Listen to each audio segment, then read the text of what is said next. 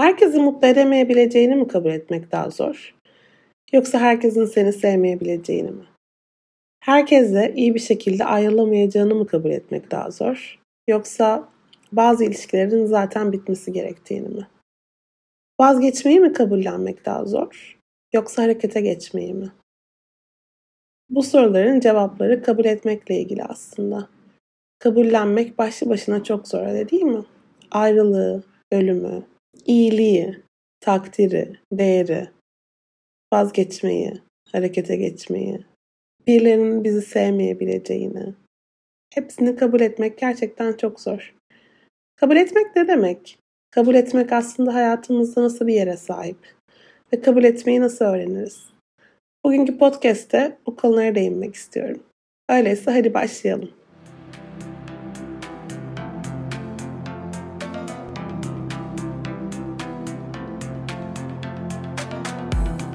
Ben psikolog doktor Gizem Sürenkök. Ben nereden bileyimin bu yeni bölümünde kabul etmeyi ben nereden bileyim diyoruz. Kabul etmek aslında ne anlama geliyor? Biraz ondan bahsetmek istiyorum.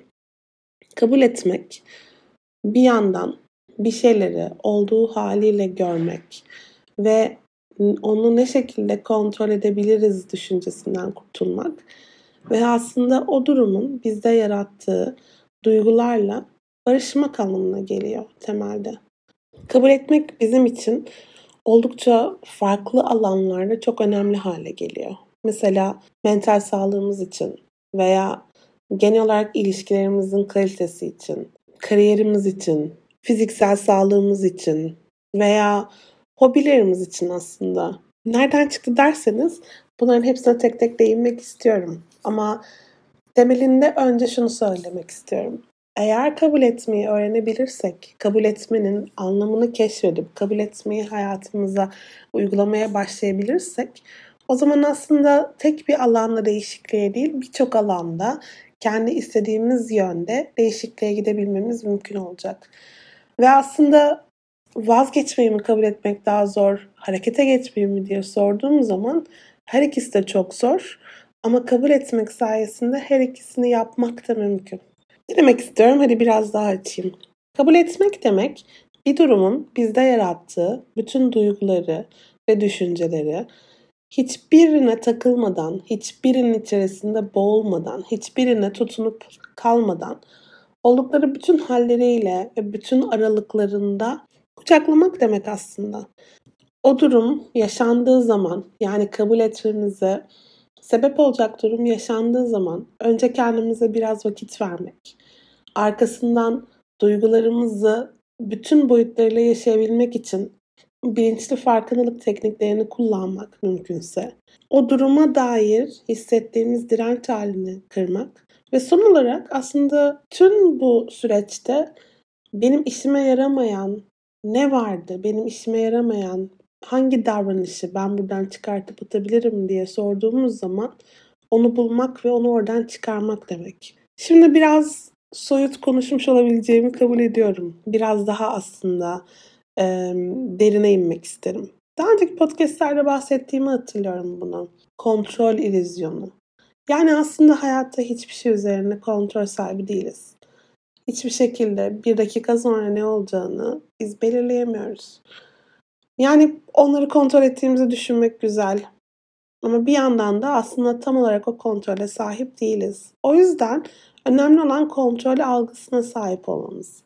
Yani benim bir dakika sonra hala bu podcast'i kaydediyor olabileceğime güvenmem güzel bir şey. Çünkü bu beni hem bu anda tutuyor hem de bir sonraki anla ilgili daha az kaygılı yapıyor.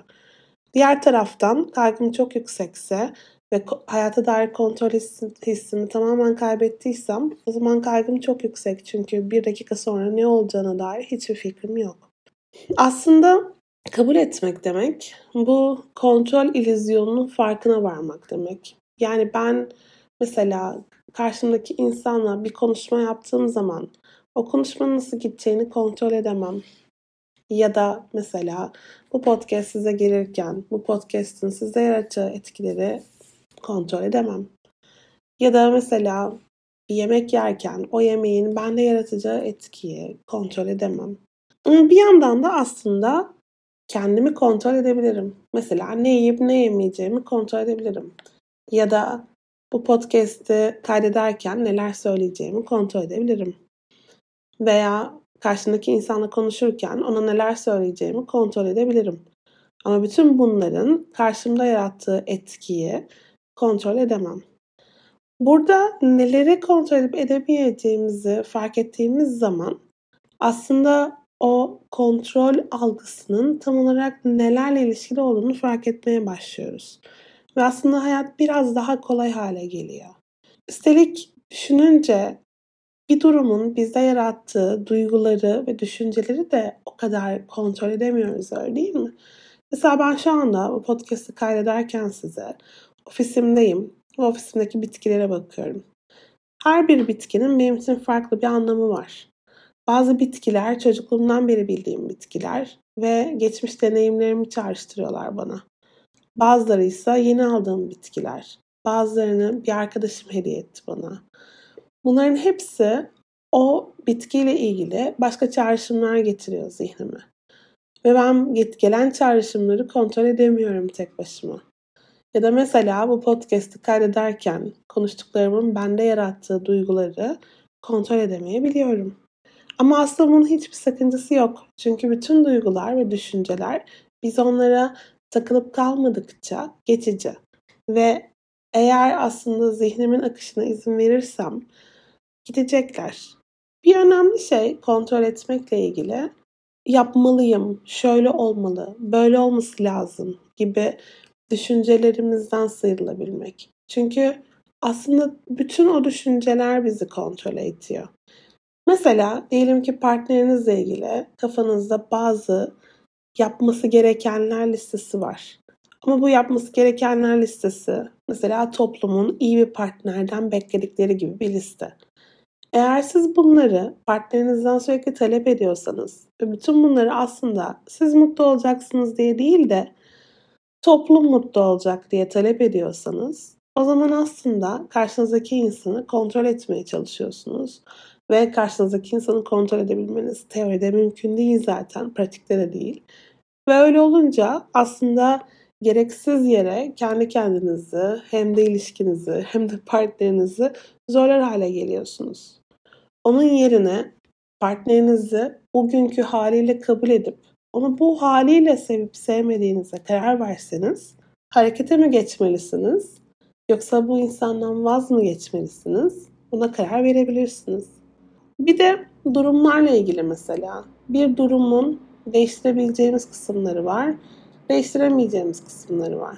Bir durumu olduğu haliyle ele aldığımız zaman o durum içerisinde kontrol edemeyeceklerimizi bir kenara bırakıp arkasından gelişen durumlarla nasıl baş edebileceğimizi daha kolay kestirebiliyoruz. Mesela neyi kabul etmekte zorlanıyorsunuz diye sorduğum zaman en çok gelen cevaplardan bir tanesi ölümdü.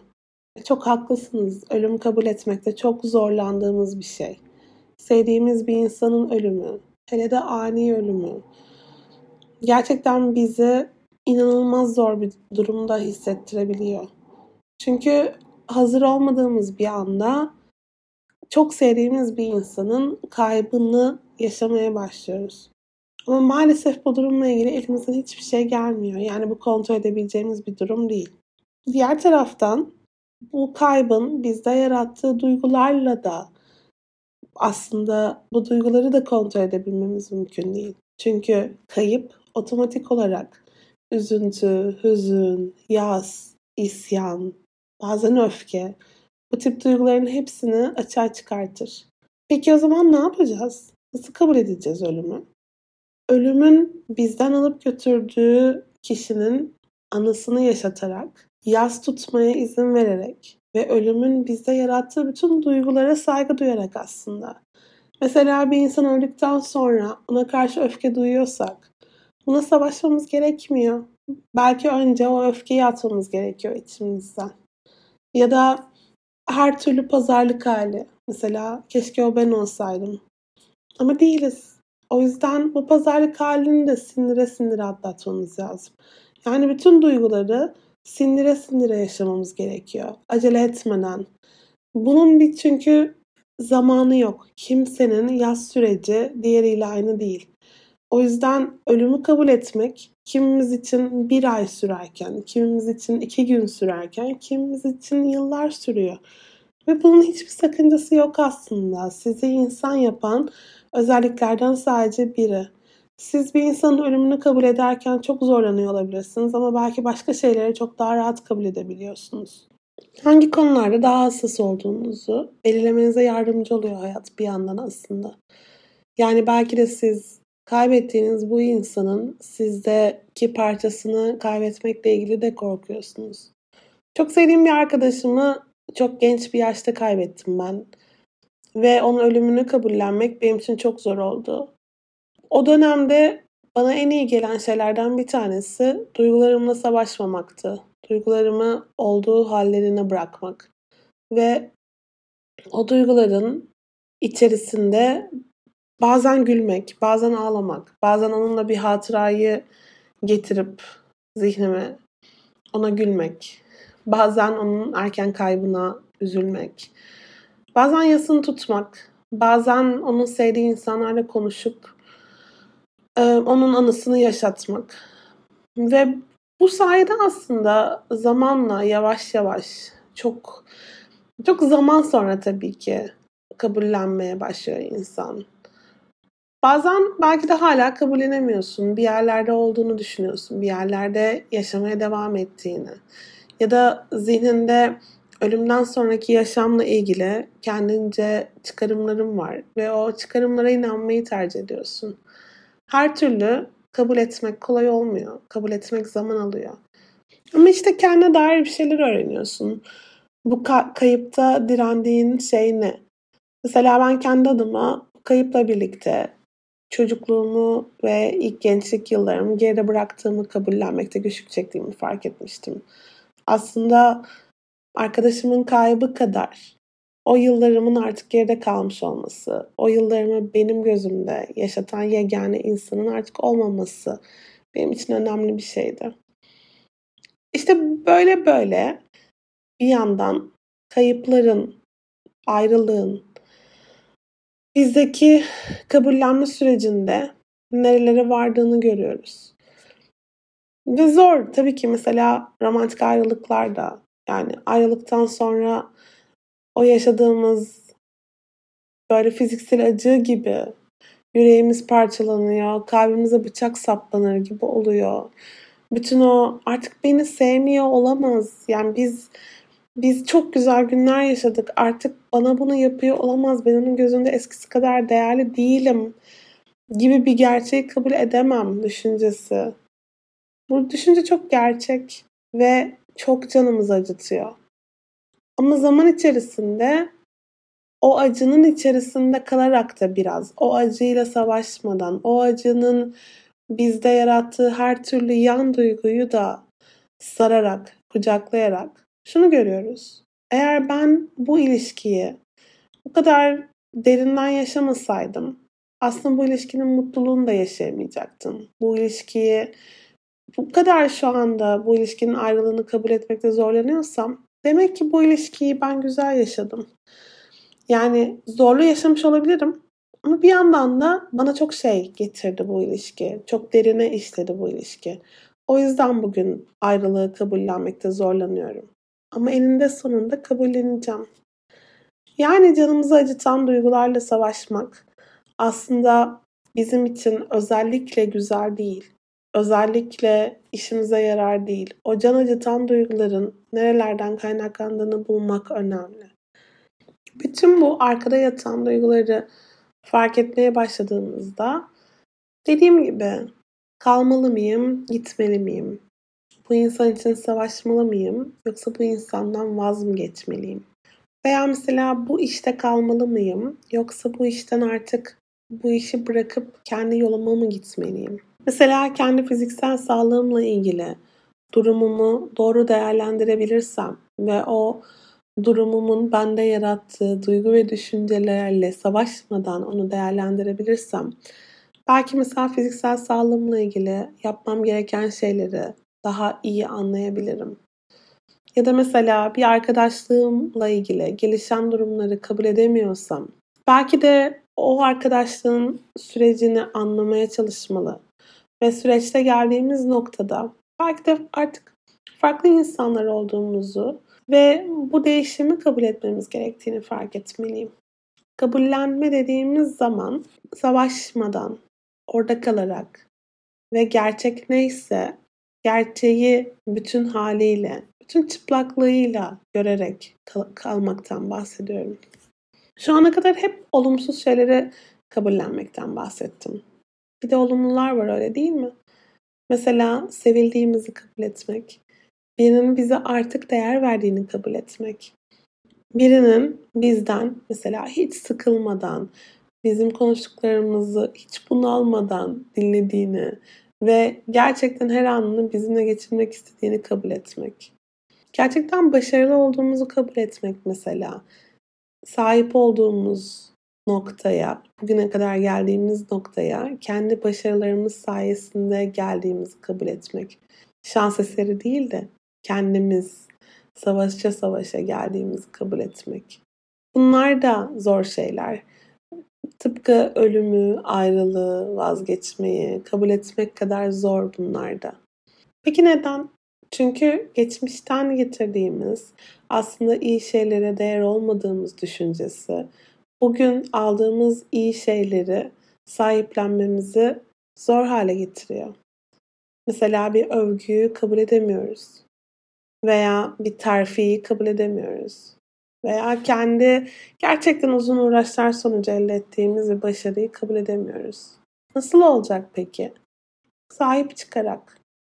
Yani şuna sahip çıkarak. O zamana kadar uğraştığımız çabaya sahip çıkarak. O övgüyü hak ediyorsak mesela, o övgü bize gelmişse zaten demek ki biz o övgüyü hak etmek için çok uğraştık. Mesela bir insan bizi seviyorsa, bize değer veriyorsa bu şu anlama geliyor. Biz aslında sevilmeye, değer verilmeye değeriz. Bu noktadayız artık. Daha önce hayatımızdaki insanlar bizi bundan mahrum bırakmış olabilir. Ama biz buna değeriz ve sonunda bir insan bizim buna değer olduğumuzu gördü. Biz zaten hep buradaydık bu arada. Sadece gelip geçen insanlar onu görmeyi reddediyorlardı. Artık buna sahip çıkabiliriz. Aslında belki başından beri kendimizi sevsek ve kendimizi değerli hissetsek ve başarılarımızı görebilsek iyiydi. Belki bugüne kadar göremedik. Ama şimdi eğer birilerinden sevgi, övgü, değer, ilgi alıyorsanız sonunda birileri bunu gördüyse sizin bunu görmenize yol açmış olabilir. Burada kastettiğim hep dış onaya bağlı olmalısınız değil tabii ki.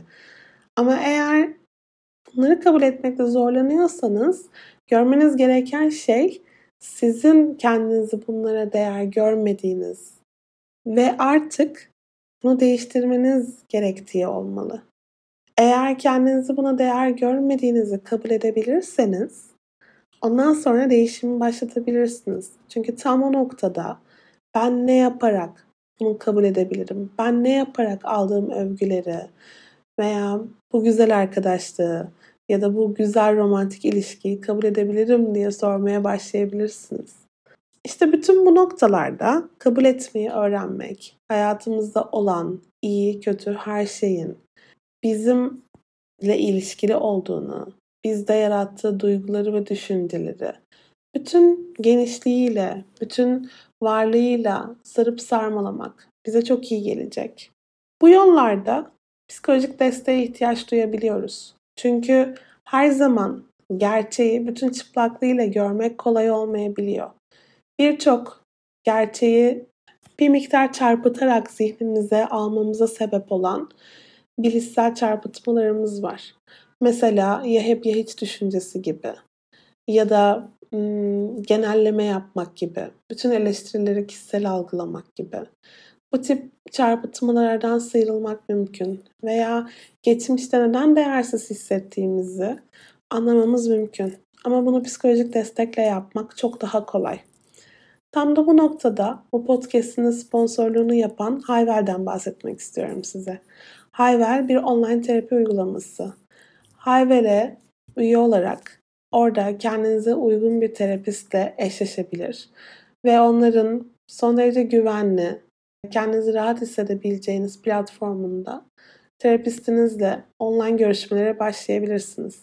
Bu podcast'le beraber sizin için bir indirim kodunu tanımlıyoruz. O indirim kodunu bu podcast'in e, description kısmında bulabilirsiniz. E, umarım siz de dener ve gerçekten bu bence Türkiye'de çok faydalı olan bu uygulamayı kullanıp kendinize psikolojik destek almak adına bir şans verirsiniz. Çünkü bu arada yardımı kabul etmek de zor. Hatta yardım isteyemediğimizi kabul etmek de zor. Bunları fark ettiğimiz zaman ben neden birilerinin bana el uzatmasını kabul edemiyorum? Ben neden bazen benim de yardıma muhtaç olduğumu kabul edemiyorum? Bu soruları soruyorsanız kendinize belki de aslında psikolojik destek almak size neden yardımı kabul edemediğinizi gösterecek. Ben size burada bir hint vereyim mi? Eğer çocukken çok fazla her işinizi kendiniz halletmek zorunda bırakıldıysanız, yani haddinizden erken olgunlaştıysanız, yani siz de şu çok övülen olgun çocuklardansınız. Bugün siz de kimseden yardım istemeyi bilmiyor olabilirsiniz. Demişken bu arada son bir şey daha değinmek istiyorum. Başka insanların düşüncelerini ve duygularını değiştiremeyeceğimizi kabul etmekle başlayacak bence değişim. Yani biz mesela birinden yardım etmesini istediğimizde onun bizimle ilgili ne düşüneceğini kontrol edemeyiz. Ama biz yardım isteyip istemediğimizi kontrol edebiliriz. Biz mesela karşımızdaki insana sınır koyduğumuzda, bizim canımızı acıtan birine artık böyle davranmaması gerektiğini söylediğimizde onun bize ne tepki vereceğini kontrol edemeyiz. Ama o sınırı koyup koymamayı kontrol edebiliriz. Biz mesela birinin bizi terk edip terk etmeyeceğini kontrol edemeyebiliriz.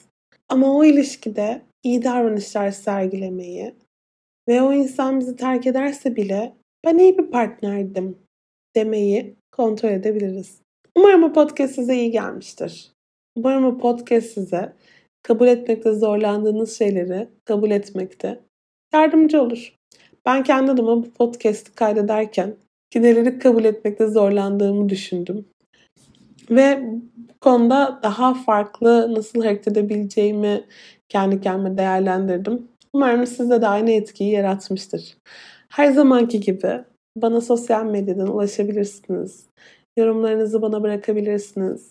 Gerçekten sizin bu podcastleri dinlediğinizi duymak, sizden yorumlar almak beni çok mutlu ediyor. Çünkü hep söylediğim gibi podcast kaydetmek çok yalnız bir iş. Ben şimdi bunu kaydederken odamda tek başımayım ve bu birilerine gidiyor mu, birilerine dokunuyor mu, birileri bunu dinliyor mu? İnsan hiç bilemiyor. Yani aslında ben bu podcast'i kontrol edebiliyorum belki ama sizin bunu dinleyip dinlemeyeceğinizi kontrol edemiyorum. Neyse eğer siz bu podcast'ı bu noktaya kadar dinlediyseniz ve bana bir mesaj atmak isterseniz Beni sosyal medyadan bulabilirsiniz. Hepinize sevgilerimi gönderiyorum. Hoşçakalın.